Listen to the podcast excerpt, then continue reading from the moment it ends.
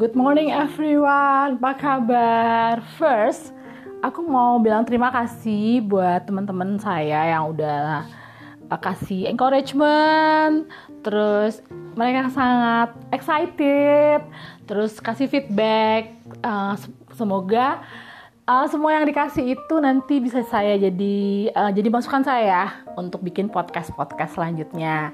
Ya memang yang dua hari lalu tuh agak suaranya kurang kedengeran kecuali kalian pakai headset. Karena itu udah malam banget. Dan saya tuh kalau bikin podcast gak mau ada orang. Takut ada banyak distraction gitu belum diketawa-ketawain. Jadi bener-bener sendiri nggak ada orang ini di rumah. Dan uh, terima kasih sekali lagi. Jadi uh, semoga kalian tetap um, uh, apa ya tetap enjoy dan menantikan podcast-podcast cerita-cerita saya selanjutnya. Nah, hari ini aku juga lagi seneng banget lagi masih bisa olahraga walaupun tadi hujan dan ikut kelas. Aku usahakan setiap hari Kamis tuh ikut kelas senam osteoporosis. Pasti ada yang nanya, "Iku ikut senam osteoporosis udah tua." Tapi kan yang namanya pencegahan boleh dong dan sebenarnya sih sama aja kayak aerobik biasa hanya dia low impact dan mumpung gratis. Tinggal di sini punya apa ya tempat yang luas untuk jogging terus kelas-kelas olahraga ya kenapa nggak dimanfaatin terus toh juga uh, apa ya uh, manfaatnya buat saya nah kemarin kan saya udah cerita tuh soal love life saya bagaimana peristiwa-peristiwa sebelum saya menikah dan pada akhirnya saya menikah dengan suami saya um, semoga itu sih jadi inspirasi ya buat banyak orang yang sedang mencari teman hidup Nah, nanti saya akan lanjutin dengan love destination. Kenapa? Karena uh, menikah dengan suami saya itu artinya juga saya menanggung uh, konsekuensi. Pekerjaan dia tuh mengharuskan pindah-pindah ke hampir seluruh, nggak ke hampir, ke seluruh Indonesia kemungkinannya. Tapi tempat yang jalan saya jalani sih nggak semua tempat di Indonesia. Cuman dari ujung barat, dari ujung timur ke ujung barat itu pernah jadi tempat tinggal saya. Nah, tapi sebelum sampai ke situ, saya mau cerita waktu saya kawin. Jadi ada peristiwa begini. Uh, biasalah kita kan kawin orang Batak ya. Pertama kawin gereja, habis itu kawin adat. Prosesnya tuh lumayan hektik, lumayan juga rada-rada banyak sensi-sensi ya. Uh, ya dari dua belah pihak. Tapi banyak memang harus banyak berdoa karena betul-betul Tuhan yang tolong. Nah, saya mau cuma mau ceritain dan oke, okay, terus kemudian saya juga ikut ngurusin adat karena papa saya tiba-tiba itulah puji Tuhan rezeki banget buat papi saya waktu itu almarhum. Dia tuh dapat pendidikan. Jadi saya praktis bantuin mami saya. Terus saya ikut-ikutin bikin list-list adat-adat gitu dan akhirnya sih bagusnya saya jadi rada-rada ngerti. Um, dan kadang saya suka sebel banget sama orang Batak ya kalau yang uh, da uh, dari apa Toba sana tuh suka nganggap remeh kita gitu yang lahir di Jakarta uh, karena kita bahasa Bataknya istilahnya berpasir-pasir, nggak fluent, ya, bukan native speaker, kita tuh dianggap nggak ngerti adat, eh, jangan salah gitu ya. Nah justru saya tuh banyak belajar dari situ. Terutama adalah belajar merendahkan diri kan minta banyak orang untuk involve. Nah, oke okay, sekarang masuk ke waktu saya um, uh, menikah pemberkatan.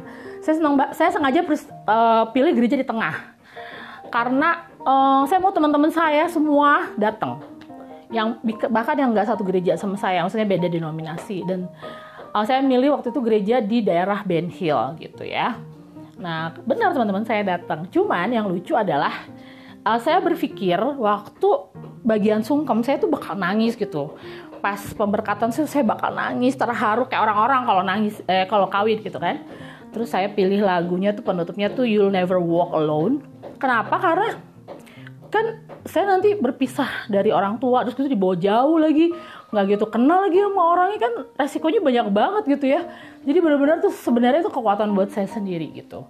Nah ternyata pas mau acara sungkem tak setitik air mata pun jatuh saya ada saya senyum lulu gitu loh. Saya udah dalam hati tuh dia bilang nangis dong nangis dong please please nangis dong. Sedangkan mami saya yang udah nangisnya ya ampun beneran deh.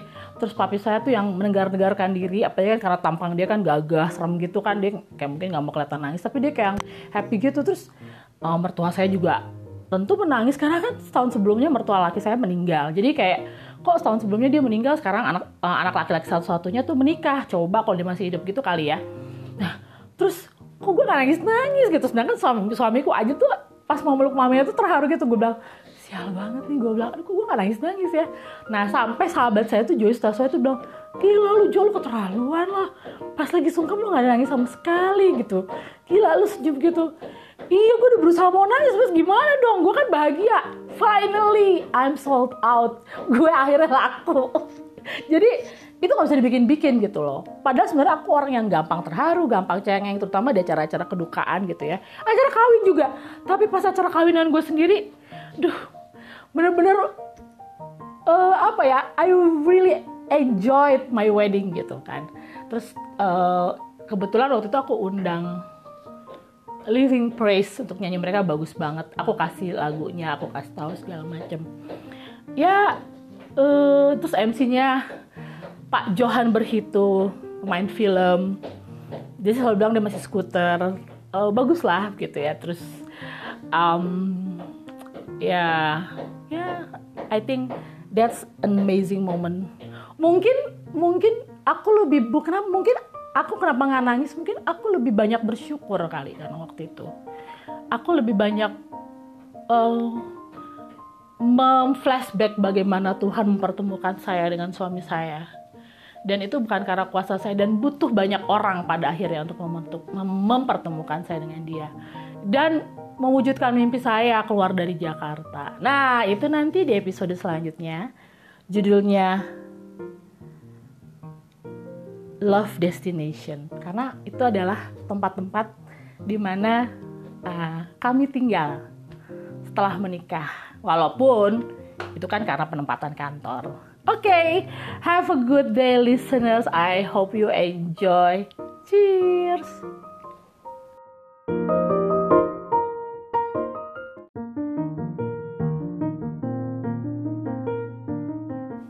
Halo, balik lagi. Um, tadi kan udah cerita kenapa saya nggak nangis waktu saya kawin. Nah sekarang saya mau cerita abis wedding Oh, terus gimana? Ya abis wedding diboyong lah, ikut ke tempat um, tinggal suami, waktu penempatan suami. Dan tempatnya di mana? Kalau kata anak gue, jeng jeng jeng di Sorong, Papua, Papua Barat. Anak Jakarta nggak pernah ke mana-mana. Rute cuman rumah kantor atau rumah kuliah. Sumpah, kalau dulu waktu sekolah cuman rutenya Jakarta Barat. Pas kuliah agak lumayan lah sampai ke Depok sekarang tiba-tiba harus terbang ke Papua. Sorong. Tempatnya kayak gimana aku nggak tahu gitu ya gelap banget. Tapi nggak tahu tuh kayak happy happy aja percaya aja gitu kan. Siang nangis tuh yang ada hmm, mama saya lagi nangis gitu loh. Kayak sedih banget kayak takut banget. Padahal akunya biasa-biasa aja. Um, kita terbang dengan pesawat uh, milik perusahaan Oh, tapi sekarang udah nggak lagi. Padahal aku suka banget loh pesawat itu, keren deh, sama kayak pesawat Garuda. Terus uh, penerbangan itu sekitar 7 sampai 8 jam. Dan biasanya selalu malam kayaknya apa kita pagi. Aku tuh agak lupa ya namanya juga udah 17 tahun lalu. Dan selalu transit di Makassar. Di situ aku juga mulai seneng banget sama Makassar. Dan di tempat di bandara itu ada satu tempat refleksi yang enak banget dan setiap kita dari Sorong ke Jakarta atau Jakarta Sorong pasti transit di Makassar dan selalu refleksi dulu. Ternyata suami aku dan aku tuh sama-sama penyuka pijet-pijetan. Nah gitu. Habis itu kita melanjutkan perjalanan ke Sorong. Pertama kali ngeliat Papua hutannya kayak karpet. Terus aku langsung ngebayangin, duh kalau ada apa-apa langsung ketutup gitu sama hutan. Tapi pas mau turun gila pantainya keren banget super biru bening. Sebagai anak Jakarta anak kota ya nggak pernah ke mana-mana. Norak dong norak banget. Dan waktu dulu kalian bisa google. Bandaranya tuh bukan di Deo di daratan tapi di pulau satu pulau. Namanya Pulau Jeffman. Google aja Pulau Jeffman uh, bandara Sorong. Dari situ asli bandaranya tuh nggak kayak bandara. Aduh pulau kecil yang pas mendarat tuh tiba-tiba ada kerbau ada apa gitu loh. Terus aku sampai batin kayaknya suka tapi kok sanggup gak ya? gitu kan. Nah pas turun abis itu naik speed pertama kali naik speed di laut eh, masih inget tuh ya gagap banget. Dan menempuh perjalanan sekitar 30 menit naik speed ke menuju ke Tosorong. Terus di situ aku pertama kali lah ngelihat orang-orang Papua gitu ya. Sama ini kan ngeliat di TV. Ngeliat cara bicara mereka, senang-senang makan pinang gitu kan. Terus adalah beberapa orang yang menyambut kita gitu ya. Uh, rekanan suami juga, teman kerja suami. Terus disambut, aku masih inget tuh uh, driver kita di seorang namanya Peter. Orangnya kecil-kecil, orang Forest tapi tinggal di Papua dan beberapa teman suami terus dengar-dengar logat mereka ngomong gitu ya. Pakai kalau tidak tuh tra kalau saya tuh dipotong jadi sa kalau punya tuh pu. Saya pu anak artinya anak saya gitu ya. Saya pu teman nah logat-logat mereka. Tiba di rumah ternyata katong pu rumah itu besar sekali. Kayaknya hampir sekitar nggak nyampe 1000 meter sih boy gede banget ya rumah dinasnya. Tapi rumah tua gitu dan hah? Terus ada pembantu nggak? Enggak kata suamiku. Mate deh. Ya udah capek-capek aku ngeliat. Dan honeymoon semua yang senang-senang berakhir sekarang masuk ke real life. Yang pertama saya lakukan adalah membersihkan rumah. Karena banyak tai cicak. Bersih-bersih rapi-rapi semuanya. Terus tau nggak? Saya tuh nggak bisa masak. Karena waktu saya belum kawin mama saya hanya nyuruh saya belajar. Jadi saya bingung dan ternyata dia tuh karena kantornya deket dia pengen makan siang. Ya udah apa yang saya lakukan? Ya sekarang kan belum ada aplikasi waktu itu. Saya telepon dong interlokal dari Sorong ke Jakarta. Hanya nanya mami gimana sih numis? Terus mamiku ketawa-ketawa gitu ngajarin. Dan untungnya ada tukang sayur. Dan tukang sayur itu menjadi langganan selama saya di Sorong. Walaupun isi cuman bayam kangkung tempe tahu ikan sama apa ya. Pokoknya itu itu dulu deh. Baik banget tuh bapaknya. Orang Jawa Papua. Terus mau ngulek mau ngulek nggak ada ulekan kita beli ulekan. Dan karena agak-agak blow on eh, aku main ngulek aja. Padahal kan ulekan harus bersihin dulu. Jadi yang pasir-pasir gitu. Pokoknya banyak banget kisah lucu di, di Sorong. Waktu awal nikah. Terus apa lagi yang lucu lagi? Um, aku nggak bisa keluar rumah. Pokoknya kalau keluar rumah aku harus sama suami. Jadi kerjaan aku ya makan tidur nonton akhirnya berat naik deh 10 kilo. Terus hanya ada dua gak ada mall adanya dua toserba gitu yang terkenal Johan sama Saga. Itu tempat kita kayak jalan-jalan gitu. Terus oh, apa ya oh, malam minggu itu juga ada satu ritual yang pokoknya tiap sekarang tiap ngelihat uh, sate padang tuh kita teringat itu. Jadi di Sorong itu dulu rumah makan padang cuma satu namanya Saiyo nah sate padang hanya ada pada malam minggu. Jadi setiap sore uh, menjelang malam gitu abis maghrib lah kita selalu makan makan sate padang karena hanya ada di malam minggu. Dan itu rame. Terus kemudian apa ya? Oh ya karena saya nggak bisa masak akhirnya saya bisa saya belajar supaya bisa masak. Nah, suatu hari saya masak sayur, saya campur semua. Saya habis saya campur, saya taruh kecap. Jadilah makan siang. Suamiku datang. Kalau kebayang sekarang gila banget tuh nggak karu-karuan. Dan suami saya hmm, nggak hmm, ngomong apa-apa, dia hanya makan semua. Betul-betul dimakan dengan lahap. Kalau mungkin waktu itu dia ngeluarin satu kata aja dia bilang makan kamu nggak enak mungkin saya nggak akan pernah mau masak lagi walaupun sampai sekarang juga aduh masak tuh PR banget buat saya itu benar-benar yang saya sayang. Yang saya suka banget dari dia. Terus apalagi? Oh uh, dia seorang itu kan saya suka martabak. Nah saya pernah mau order dari pegawai suami gitu ya. Namanya Pur dia orang Jawa. Mas Pur saya mau ini dong makan martabak tolong beliin. Oh martabak atau terang bulan bu? Terus aku bingung gitu. Kok terang bulan sih di atas. Martabak loh martabak bangka. Maksudnya martabak manis. Iyo ibu martabak atau terang bulan dan akhirnya saya baru tahu martabak itu artinya uh, martabak telur. Kalau terang bulan itu martabak manis. Ya ampun bener-bener deh. Yang kayak gitu-gitu. Terus um, lagi ya? Pokoknya seru banget. Oh ada tembok Berlin. Kenapa dibilang tembok Berlin? Ada tembok yang dia membatasi laut di Papua itu terus depannya ada pulau buaya karena bentuknya mirip buaya Nah kenapa dibilang tembok Berlin? Mungkin gara-gara yang zaman-zaman dulu lah. Akhirnya tuh dipanggil lah tembok Berlin. Di sekitar tembok Berlin itu ada banyak warung-warung yang jualan seafood. Saya cuma sekali lah makan ikan di situ. Itu nggak pernah hanya lewat-lewat.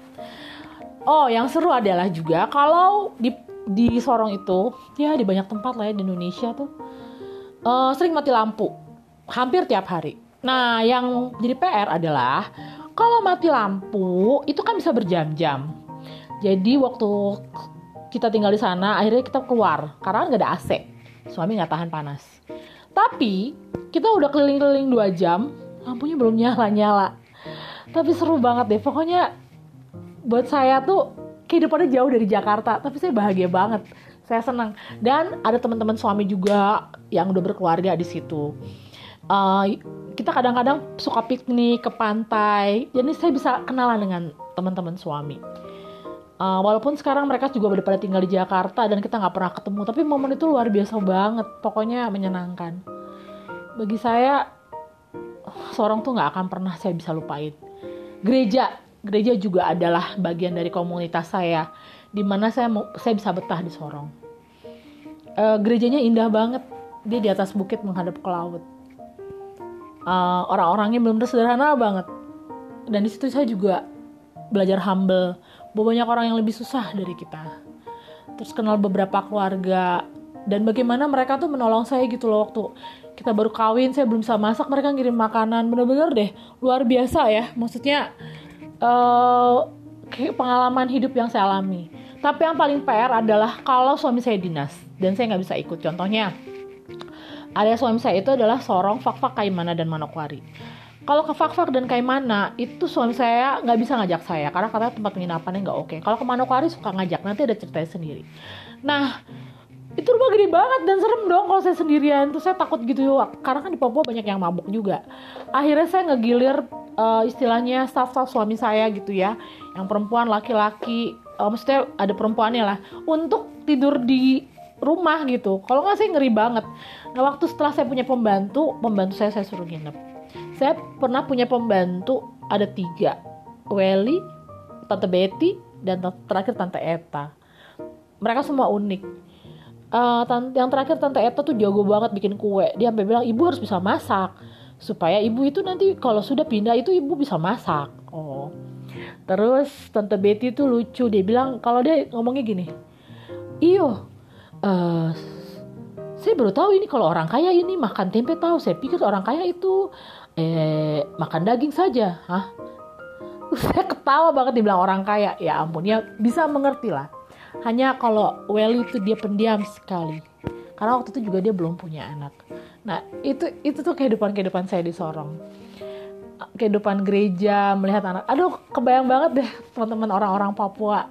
Dan bagaimana saya juga belajar masak. Bukan masak sorry mulai tahu makan papeda di sana terus kayak misalnya bilang nambah nasi itu namanya timba terus kalau baju itu misalnya mau dikucuk tuh namanya mau digiling.